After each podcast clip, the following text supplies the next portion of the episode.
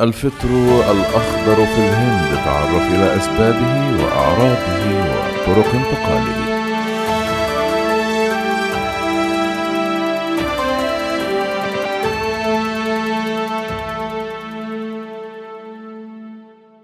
بعد حالات الإصابة بالفطر الأسود والأبيض والأصفر التي تم الإبلاغ عنها في جميع أنحاء الهند حسب ما يقول موقع قناة سي إن بي سي تي في الثامنة عشر التلفزيونية أنه تم اكتشاف حالة فطر أخضر في مدينة إندور في ولاية ماديا برادش تعافى المريض من كوفيد 19 وطلب منه الخضوع لبعض الاختبارات حيث اشتبه الأطباء في إصابته بالفطر الأسود لكن الفحوص أثبتت إصابته بالفطر الأخضر.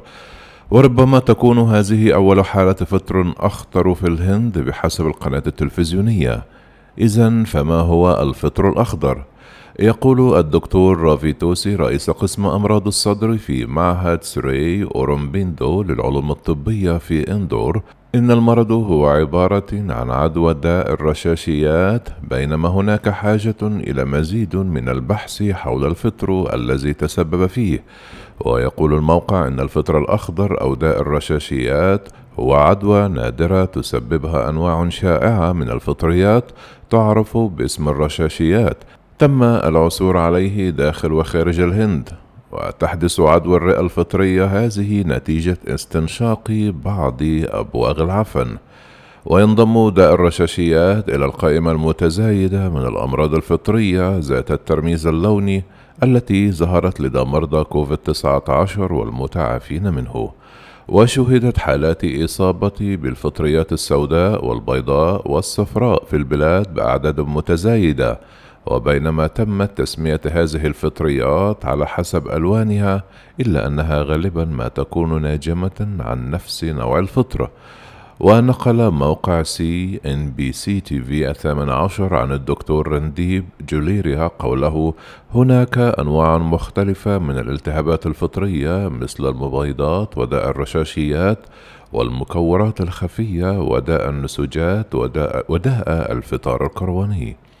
إذا ما الذي يسبب الفطر الأخضر؟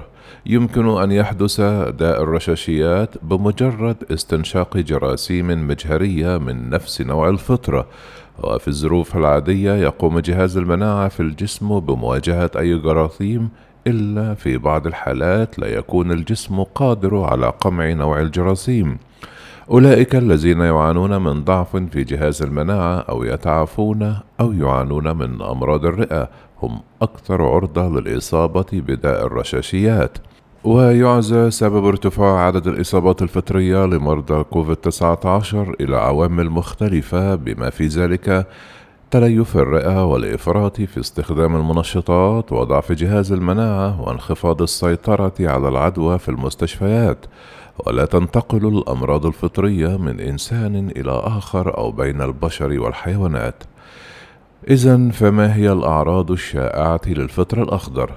وفقا للمراكز الأمريكية لمكافحة الأمراض والوقاية منها يمكن أن يسبب عدوى داء الرشاشيات حمة وألم في الصدر وسعال وسعال مسحوب بدم وضيق في التنفس وتنصح المراكز المرضى الذين عانوا مؤخرا من أمراض الرئة مثل كوفيد 19 أو الذين يعانون من ضعف في جهاز المناعة الحالية بحماية أنفسهم من خلال تجنب الغبار والأتربة والجسيمات الصغيرة الأخرى من دخول رئتيهم واستخدام أقنعة من نوع N95 أما عن كيفية منع الالتهابات الفطرية لا يمكن الوقاية من الالتهابات الفطرية إلا من خلال الحفاظ على النظافة الجسدية. تجنب المناطق التي يوجد بها الكثير من الغبار والمياه الملوثة المخزنة. تجنب الأنشطة التي تنطوي على ملامسة وثيقة مع الأتربة أو الغبار. غسل وجهك ويديك بالماء والصابون خاصة عند التعرض للأتربة والغبار.